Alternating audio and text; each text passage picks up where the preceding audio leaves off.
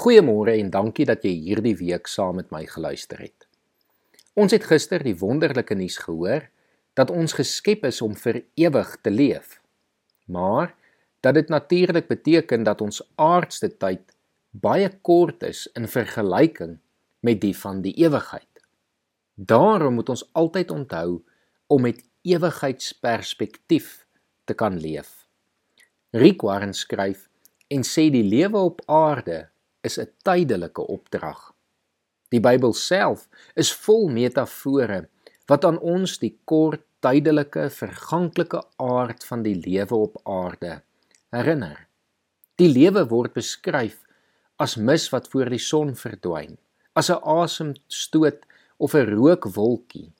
En daarom beskryf die Bybel ons tyd op aarde asof ons vir 'n tyd net hier kom kamp het.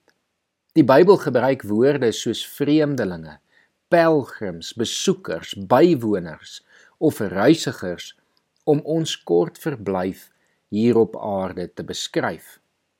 Petrus skryf byvoorbeeld: Geliefdes, in die wêreld is julle vreemdelinge en bywoners. Lewe dan in eerbied vir hom gedurende die tyd van julle vreemdelingskap in die wêreld. Ons is geskep om vir ewig te leef, maar nie vir ewig op die aarde nie. Daarom moet ons altyd onthou waarheen ons op pad is en dan kan ons ons lewens daarvolgens inrig.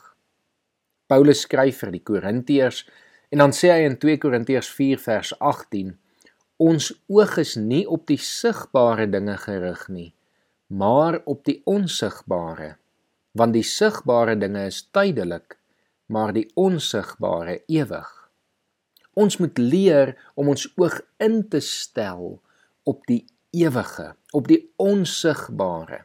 'n Ewigheidsperspektief beteken ons stel ons lewens en ons fokus so in dat ons weet waarheen ons op pad is, na ons ewige tuiste en dat ons meer aandag daaraan sal gee as die tydelike opdrag van ons aardse bestaan.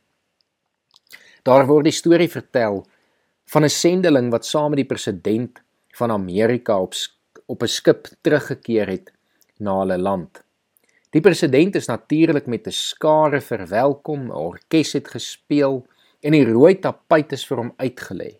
Joernaliste het hom afgeneem om 'n artikel in die koerante te kan plaas. Maar die sendeling het ongemerk aan wal gestap. Hy het homself so bietjie jammer gekry en toe by God begin kla.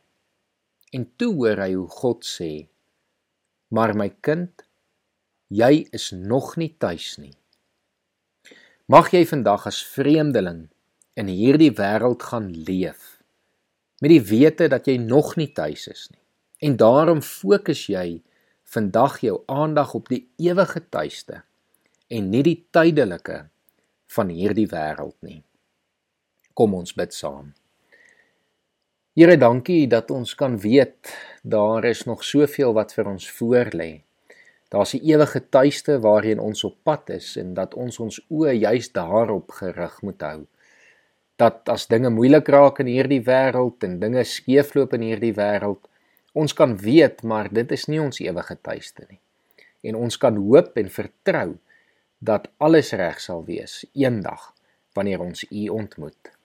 Amen.